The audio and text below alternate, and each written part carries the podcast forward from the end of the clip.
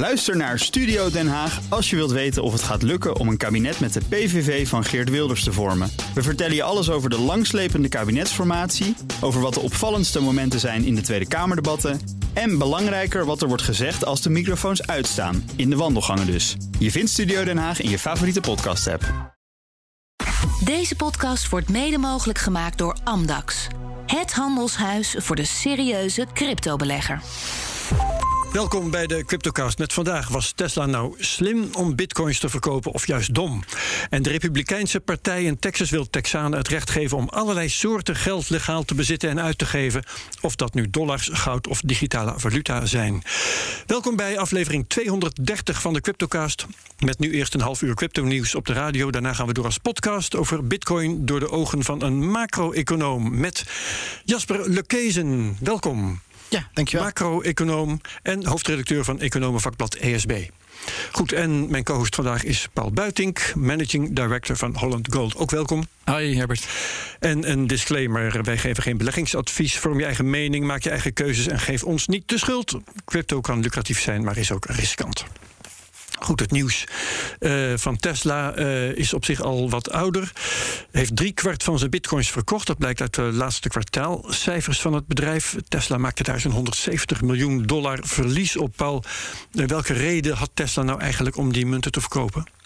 Ja, als we nog even terug in de tijd gaan. Uh, iedereen kan zich wel herinneren natuurlijk dat Tesla aankondigde begin vorig jaar dat ze voor anderhalf miljard aan, uh, aan bitcoin had gekocht. En ook dat ze bitcoin ja. zouden accepteren bij het verkoop van auto's. Dat, dat was natuurlijk ja. fantastisch nieuws uh, voor de bitcoin gemeenschap. Dat zo'n groot bedrijf en zo'n leidende figuur als Elon Musk bitcoin zo omarmde.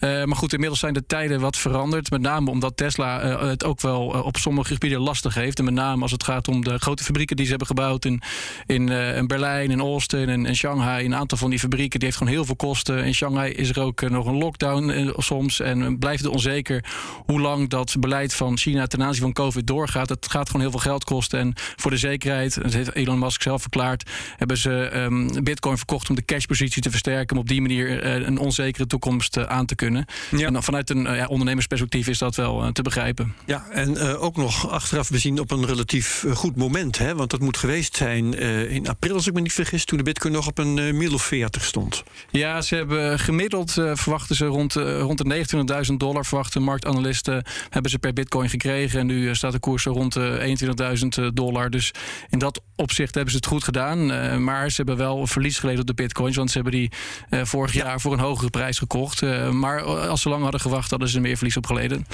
Dus in die zin uh, was het uh, verstandig. Ja, ja, ja, maar die 170 miljoen dollar, ja, dat nemen ze dan blijkbaar voor lief. Dat, dat is wat die betere cashpositie kost. Ja, kijk, ze hebben nog, als ik naar de, naar de balans kijk, uh, eind juni hebben ze nog 18 miljard dollar op de balans staan. Dus op zich zou je zeggen, ja, wat maakt die paar honderd miljoen dan nog uit? Ja. maar goed, blijkbaar verwachten ze toch best wat zwaar weer. En was het absoluut nodig om, om te, te doen. Ja, Jasper, hoe denk jij over zo'n beslissing van Tesla?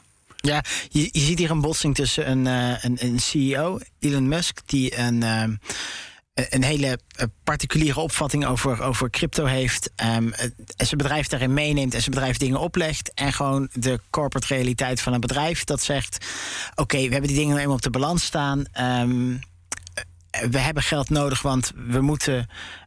De mensen die de auto's maken in China betalen. En tegelijkertijd kunnen ze nu niet uitleveren omdat de havens in Shanghai dicht zijn. Dus we krijgen nu het geld van onze klanten niet. Die, want we kunnen hun auto's niet leveren. Dus zo'n bedrijf wat gewoon heel corporate zegt... oké, uh, we hebben liquiditeit nodig, dus we verkopen die dingen gewoon... en dit is een goed moment. Je... Um, um, uh, en, en, je ziet dan ook dat zo'n zo, zo, zo, zo Musk op zo'n moment voor zijn bedrijf gaat staan en die, die corporate, dat corporate verhaal overneemt. En op een ander moment zien we weer Um, twitteren, twitteren of, of, of in hetzelfde state, per statement vijf da zes dagen geleden geloof ik zeggen... ja, maar de, de, de Dogecoin, die, um, uh, die, die, die, die meme-munt, die houden we gewoon. Uh, want uh, daar geloof ik natuurlijk echt in persoonlijk ja. zelf. Daar kun je ook nog steeds in betalen, hè? Op, voor sommige artikelen dan tenminste in de winkel van Tesla. Oké, okay, dat is ja, voor, dat ja, voor nee. merchandise inderdaad. Ja. Ja, maar goed, nou wel wezen, hij heeft nog steeds uh, iets van 25% van de bitcoins heeft hij nog. Dus uh, zo ruim 10.000 bitcoins heeft Tesla nog. En ook heeft Elon heel erg duidelijk gezegd: het is geen oordeel over bitcoin dat ze dit nu verkopen. Het is puur uh, gedreven vanuit ondernemersbelang.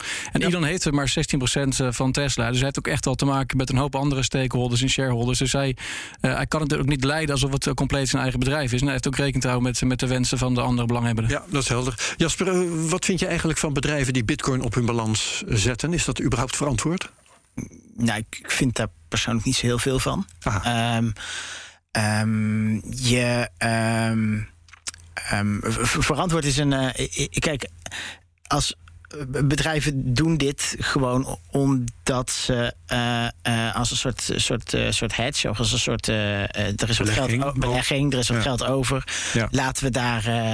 Um, laten we dat dus daarin stoppen. En wellicht dat het omhoog gaat. Wellicht kunnen we het ook weer verkopen op het moment dat we geld over hebben. Want die markt is toch relatief liquide. Um, de, het leidt natuurlijk wel af van de primaire bedrijfsvoering. Dus ja. je. Ik bedoel, Tesla is gewoon een autofabrikant. Um, ja, en geen beleggings, uh, beleggingsfirma, nee. zeg maar. Dus het, leidt, het, het, leidt wel af van het primaire maar proces. Maar dat geldt voor elk bedrijf. Dus dat is ja. dan toch een oordeel, als ik zo mag zeggen. Nou ja, ik vind het niet heel handig um, als je in het bestuur van zo'n bedrijf zit, dan zou ik de focus toch leggen op het maken van goede auto's. Ja. Um, en uh, die goed in de markt zetten. En dan zou ik dat. Uh, en, je hebt, en je hebt daar weer een aantal dingen te regelen. Waaronder dat je gewoon goede mensen hebt. En dat je geld hebt om die mensen te betalen. En dat er winst uitgaat naar de aandeelhouders. Maar het, het leidt af, met andere het, woorden. Het leidt af, ja. ja. Maar goed, het, het goed beheren oh. van je kas is natuurlijk wel inderdaad een wezenlijk onderdeel van een goede bedrijfsvoering. En gegeven de hoge inflatie waarin uh, we zitten, en maken bedrijven zich wel zorgen over de waarde van het kasgeld dat ze aanhouden. En dan in ja. dat licht moet je, moet je zien dat, uh, dat Tesla kijkt of ze hun kasgeld kunnen spreiden of diversificeren. Om op die manier uh, wellicht beter in staat te kunnen zijn om met de inflatie ja, op te gaan. Maar, ja, maar daar heb je Bitcoin natuurlijk. natuurlijk niet voor nodig. Ik bedoel, dan kun je natuurlijk ook inflatiebeschermde obligaties kopen. Dan kun je ook um, um, andere bedrijfsobligaties kopen die ook relatief makkelijk weer van, van de hand zou en de consequentie doen. blijkt te zijn, Paul, dat je dus ook uh, soms gedwongen kunt zijn om verlies te nemen. En ja, zeker. Ja. ook. Ja, maar dan moet je wel. Ik, kijk, ik ben het een beetje uh, eens dat uh, achteraf gezien was het geen goede beslissing geweest. Want ze hebben nu dat geld nodig. Ze hebben daar verlies op gemaakt. Uh, dus ze hebben niet de, de inflatie verslagen. Maar sterker nog, ze hebben het slechter, slechter gedaan dan inflatie. Ja. Maar je moet dat wel in je achterhoofd houden, denk ik. Als, als een bedrijf um, kijkt naar hoe ik best met kasgeld om kan gaan. Dat ze allerlei verschillende instrumenten meenemen. Ja, inclusief, inclusief ook wel de instrumenten jij net noemt, uiteraard. Zeg, en Paul, wat zegt dit nou over de staat van de markt? Dat een bedrijf dat gezien werd als strong hands, uh, nu toch gaat verkopen? Nou, Elon Musk zelf heeft overigens zijn digital assets nog steeds uh, aangehouden. Hè? Dus Elon zelf uh, beschikt over Bitcoin, Ethereum en Dogecoin en ongetwijfeld nog wat andere dingen. Dat heeft hij aangehouden. Huh? Tenminste, voor zover we weten. Ja, ik denk dat we gewoon niet, um, niet te grote conclusies aan moeten verbinden. Er zullen wel weer nieuwe bedrijven komen die Bitcoin gaan kopen en aanhouden. Ook Tesla zelf heeft aangegeven dat ze niet uitsluiten dat ze weer opnieuw gaan kopen. Um, kunnen nu tegen een lagere prijs weer inkopen, hè? Als ze dat zouden doen, dan. ja, dat, dat zou kunnen inderdaad. Ja, maar ja, dan ben je speculant. Ja, maar, maar, dan nog, waarom zou je als bedrijf dit willen doen? Als je kaspositie wil beschermen tegen inflatie, dan koop je toch niet. Uh, iets als bitcoin wat zo belachelijk volatiel is, dan neem je toch gewoon weer andere risico's extra op je balans. Ja, kijk, de volatiliteit blijft een probleem met Bitcoin. Maar wellicht dat, dat een, een Elon of een Tesla inschatten dat de, de volatiliteit zou afnemen. Of sterk nog dat de, de asset in waarde zou appreciëren. En dat het in mm. dat licht een goede belegging zou zijn. Nou, ja, goed, dat, nee, maar dan is dat ja. je motivatie natuurlijk. Hè? Um, het, uh, als die volatiliteit afneemt, dan zie je dat over de tijd. Die moet echt heel fors afnemen voordat dat de moeite waard is. Dus de primaire motivatie is dan dat je denkt dat het ding in waarde gaat toenemen. Ik wil het hier uh, dat je motivatie. Ja, dankjewel. Uh, want we moeten naar het volgende onderdeel. Uh, dat is namelijk de bespreking van de prijzen. Wel relevant. Even goed, niet met Bert Slachter zoals elke week, maar nu met on-chain analyst Rational Root. En zijn pseudoniem is dat uiteraard. Welkom, Root.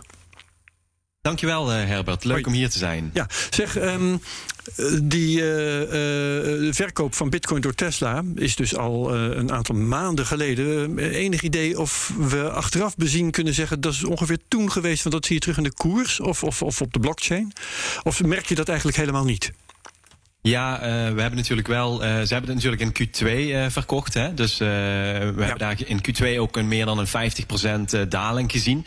Ehm, nu is het zo dat ik me kan herinneren, volgens mij, dat Tesla zijn Bitcoin bij de institutionele afdeling van Coinbase hield. Hè? Dus we hadden dat niet bijvoorbeeld in een cold storage of zo die we konden tracken met adressen speciaal gericht op Tesla.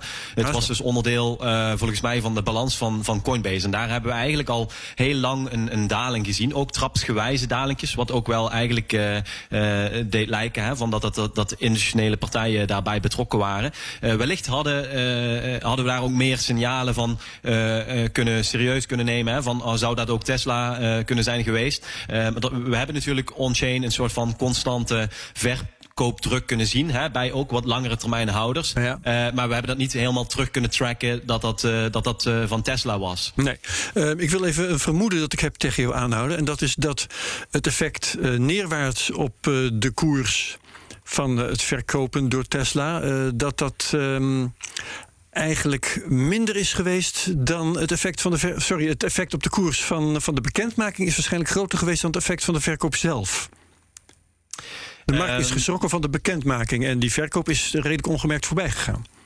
Ja, de prijs uh, is natuurlijk, van Bitcoin is natuurlijk altijd wel een beetje volatiel op een dag. Hè? Dus ik vind dat bij de bekendmakingen nog eigenlijk hartstikke is meegevallen. Hè? Want het is toch wel wellicht groot nieuws, zou je kunnen zeggen. Ja. Um, uh, achteraf gezien uh, valt het wel mee. Hè? Want ze hebben dus ook niet om fundamentele redenen Bitcoin van die balans afgedaan. Het ging eigenlijk meer om cashflows, zoals Paul dat net al vertelde. Ja. Dus ik, ik, ik denk eigenlijk dat het, dat het op zich goed is hè? dat Bitcoin zelfs gebruikt kan worden voor dit soort doeleinden. En dat dat gewoon uh, eigenlijk zonder relatief, eigenlijk met relatief weinig problemen uh, is, ge is gegaan. Dus ik denk, ik zie het eigenlijk meer als positief. Ja. Want ook die, die verkoopdruk is natuurlijk ook achter ons nu. Hè? Dus uh, in principe, ze, ze hebben nog altijd uh, wellicht uh, iets van rond de 10.000 bitcoin in hun bezit natuurlijk. Hè? Dus dat is nog altijd wel een, een mooi aantal. Mm -hmm. maar het, het, het, grootste deel is inderdaad is nu weg. Dus die, die verkoopdruk is ook weg. Ja. Als we nu even algemeen naar bitcoin kijken, wat valt er op dit moment op? We, we zijn nu aan het schommelen geraakt tussen 20 en 23.000 dollar, heb ik het idee. Ja, we waren dus uh, vorige week had ik het eigenlijk aangegeven hè, dat we op dat niveau van die realized price uh, zaten. Hè, dus een, fundamentele on-chain indicator, eigenlijk de gemiddelde uh, aankoopprijs van alle bitcoin in omloop. En daar waren we doorheen gebroken een, een, beetje. En het was dan de vraag of we daar support op gingen vinden. Vorige week had ik al aangegeven dat dat eigenlijk dat ik de kans groter vond dat we wellicht dat dat niet ging lukken. En we zijn ook toevallig, ja, dus sinds vannacht hebben we ook een, een daily close gehad hè, onder die uh, onder die realized price weer. Dus ze zijn er eigenlijk weer terug onder. En uh, op zich is dat niet zo uh, gek, gezien ook de macro-economische situatie. als we kijken naar de, van de, deze week gaat er nog redelijk weer wat gebeuren. We krijgen morgen de renteverhogingen waarschijnlijk van ja. weer 0,75 procentpunt van de Federal Reserve. Wat natuurlijk weer die, ja, die risicomijnende markt weer ja, dat dat toch blijft doorzetten. Ja. En we hebben dan donderdag krijgen we nog uh, de cijfers van het uh, bruto binnenlands product, het GDP-cijfers van de Verenigde Staten. Die gaan waarschijnlijk ook negatief vallen. Dus dat, dat zou dan potentieel weer hè, voor die een beetje de definitie van de recessies, twee opeenvolgende kwartalen, negatieve cijfers bij, bij, die, bij het bruto, ja. bruto binnenlands product. En dus dat, dat zit er ook heel waarschijnlijk in. Dus dat, dat, is, dat zijn nogal wat risicomijdende factoren waardoor ik het niet zo gek zou vinden om te blijven schommelen uh, tussen die uh, okay. 17.000 en, en, en 20 of, of, of 22.000 dollar, hè, waar die realized price dus ja. nu op staat. Ja, oké. Okay, ik wil je nog één uitspraak voorleggen van Plan B, ons Nederlandse Bitcoin-orakel. We horen geleidelijk aan wat, wat minder van hem, maar hij liet onlangs weten dat de huidige, het huidige prijsspel is een mooie koopkans of alles is anders en de wereld gaat ten onder. Ja, ben je daarmee ja dat is wel een mooie. Ja, ik ben het er eigenlijk wel mee eens. Uh, kijk, als je kijkt naar de cyclussen van uh, Bitcoin, uh, dan zitten we dus nu ook op zo'n niveau dat we dus onder die gemiddelde aankoopprijs zitten. Dat is eigenlijk in, in, in alle cycli voorheen is dat geweest. En we zitten dus eigenlijk op een, op een heel gangbaar punt in, in die cycle. En ik, ik, ik, ik denk eigenlijk dat we, we zitten natuurlijk nu een beetje in een andere macro-economische situatie. Maar eigenlijk is Bitcoin daarvoor gebouwd. Het is nog wat vroeg en wordt wel gezien als een risicoasset. Mhm. Uh, maar ik, ik denk dat voornamelijk de lange termijn houders van Bitcoin, die hebben nog altijd heel veel overtuiging. Meer dan wellicht in, in andere cycli. Hè? Want uh, voorheen uh, was er nog echt het idee van ah, Bitcoin is dood en dat gaat niks meer worden.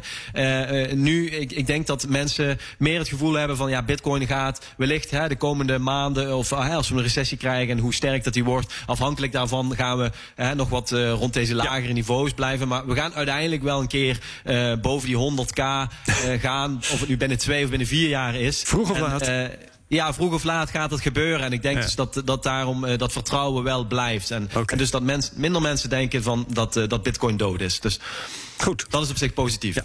Dankjewel voor je commentaar. Blockchain-analyst Rational Root te vinden op Twitter als @rationalroot. Um, meer nieuws uit Amerika. Nu de Republikeinse partij in Texas wil Texanen het recht geven om allerlei soorten geld legaal te bezitten en uit te geven. Of dat nou dollars, goud of digitale valuta zijn. Bepalingen hierover zouden in de grondrechten van Texanen moeten komen, de Bill of Rights.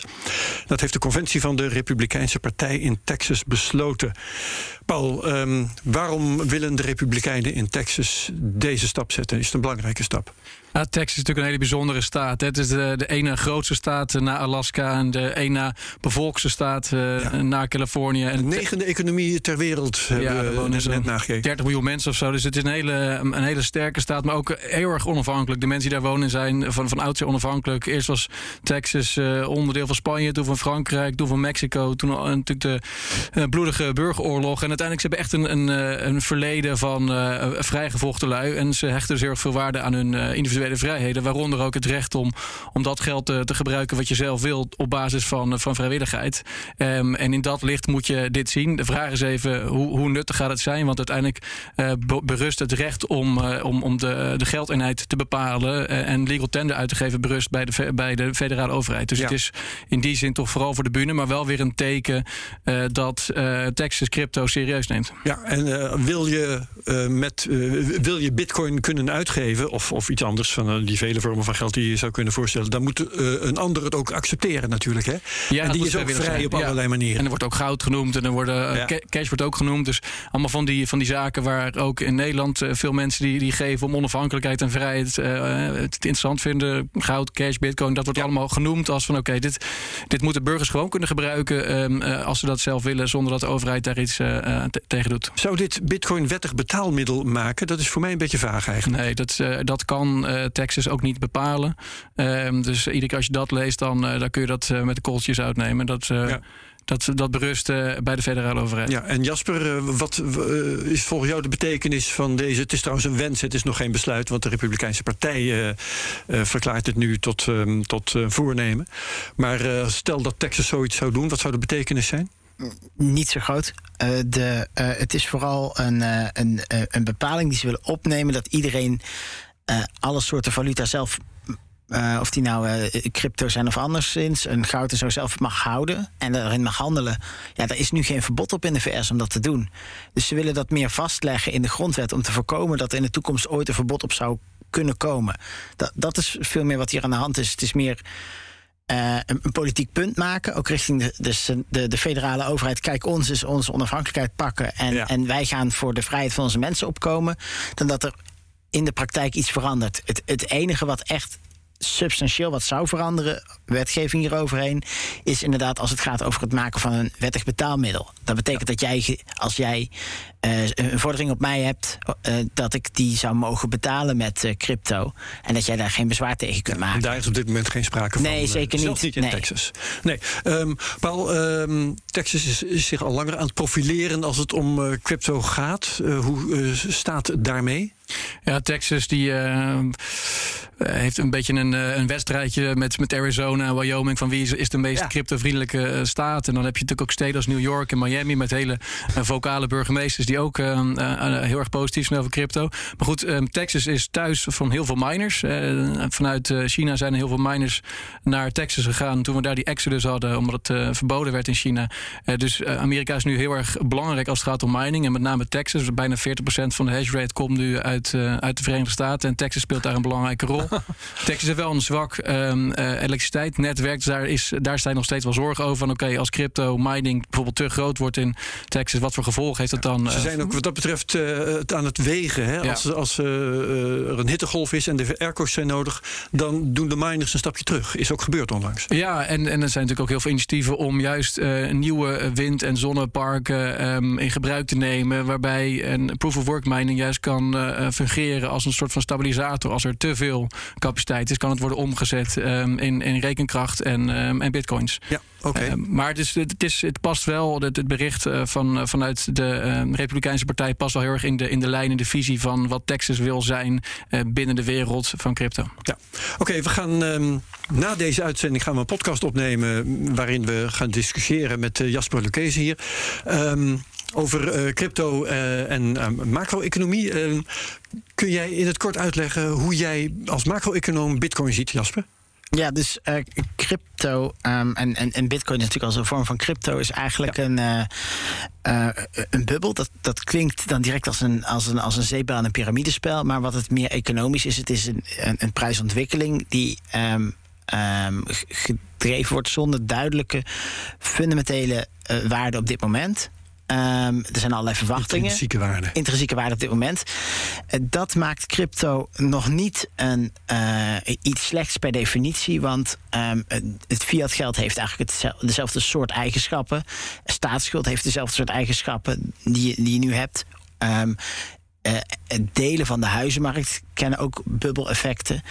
Uh, maar dat betekent wel dat je eenzelfde soort regulering op crypto zou moeten toepassen. Ja. Als dat je uh, nu doet op andere financiële assets. Oké, dat lijkt me een prachtig uitgangspunt voor de discussie die we straks gaan voeren. Leuk. Um, en tot zover de Cryptocast op BNR. Dus vond je deze aflevering leuk, dan kun je luisteren naar de AIX-factor op BNR. Ook een programma over investeren en beleggen. Bedankt mijn gast Jasper Lekezen, ook co-host Paul Buitik bedankt. Wie meegaat naar die super interessante podcast. Tot straks. Wie het hierbij laat, dat is ook goed. Bedankt en heel graag tot volgende week bij de Cryptocast op BNR. Deze podcast wordt mede mogelijk gemaakt door Amdax. Het handelshuis voor de serieuze cryptobelegger. Ook Bas van Werven vind je in de BNR-app. Ja, je kunt live naar mij en Iwan luisteren tijdens de ochtendspits. Je krijgt een melding van Breaking News. En niet alleen onze podcast Ochtendnieuws, maar alle BNR-podcasts vind je in de app. Download nu de gratis BNR-app en blijf scherp.